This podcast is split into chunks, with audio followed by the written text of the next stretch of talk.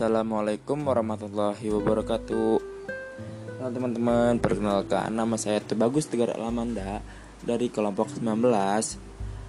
Saya di sini bersama saudari Debbie akan menjelaskan tentang standard and deliver yet another standard based framework and the ground level of perspective teacher education. Sebelum saya menjelaskan alangkah baiknya kita panjatkan puji syukur kita terhadap Allah Subhanahu wa taala yang telah memberikan kita nikmat sehat jasmani maupun rohani sehingga kita bisa mendengarkan podcast atau mengerjakan podcast ini, teman-teman. Alhamdulillah. Nah, di sini saya akan melanjutkan pemaparan materi dari saudari Debbie. Saya pertama akan menjelaskan tentang apa pertanyaan atau tantangan yang siswa miliki tentang standar ini? Sulit untuk mengetahui bagaimana memediasi momen-momen ini karena tekanan yang dialami guru siswa adalah nyata dan setiap penempatan berbeda-beda.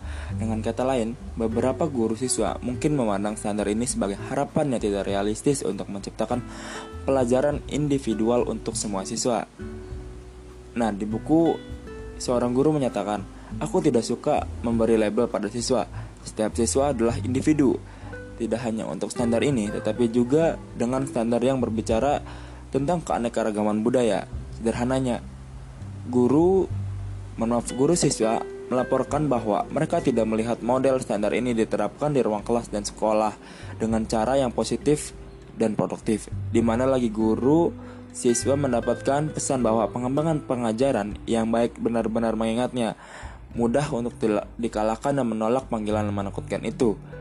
Meskipun standar dapat dianggap tidak realistis dan terlalu rumit, pendidik guru dapat mengambil makna di balik standar dan membantu guru siswa mem memikirkan kembali pedagogik mereka. Bagaimanapun, beberapa banyak guru siswa dan bahkan pendidik guru dapat dengan jujur mengatakan mereka tahu dengan pasti bagaimana berhasil mengatasi bidang kognitif, linguistik, sosial, emosional, dan fisik. Seperti kata Alex di buku ini dijelaskan, 180 atau lebih siswa setiap hari. Namun penting untuk menunjukkan bahwa pendidik guru dan siswa mereka mengambil standar seperti ini dan melakukan sesuatu dengannya. Dengan kata lain, standar Standar ini bahkan yang besar dapat digunakan untuk dialog lebih lanjut seputar pengembangan belajar dalam hal ini. Nah, yang kedua, saya akan menjelaskan tentang apa yang dilakukan guru siswa tentang tema yang ditemukan dalam standar ini. Sebelumnya, teman-teman tolong lihat makalah di karena di situ ada dua contoh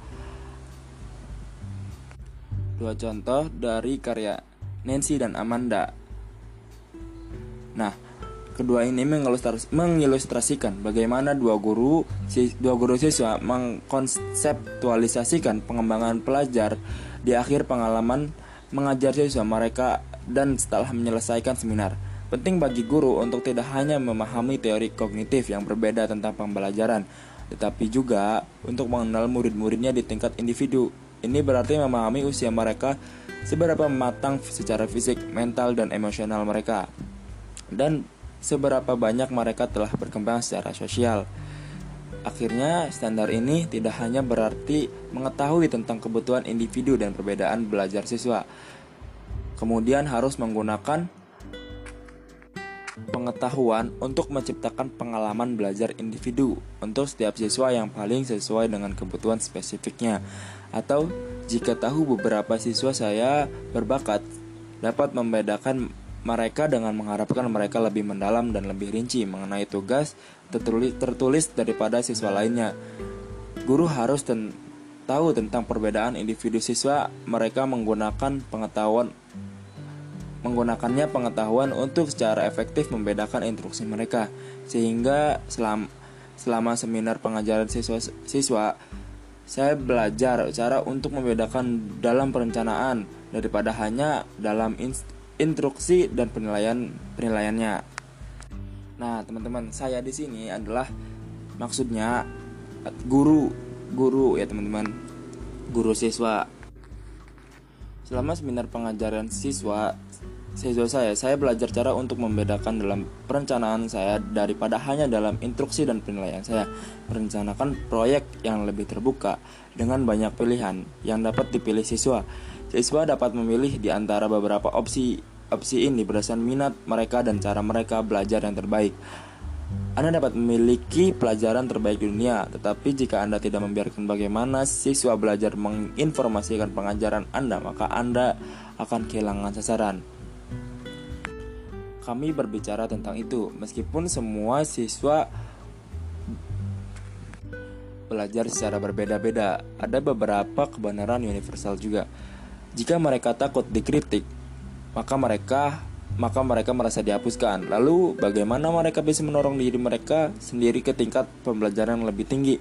Dengan mempertimbangkan hal-hal ini dalam pelajaran saya ada peluang yang lebih besar untuk pembelajaran yang bermanfaat dan keterlibatan siswa untuk terjadi seluruh kelas.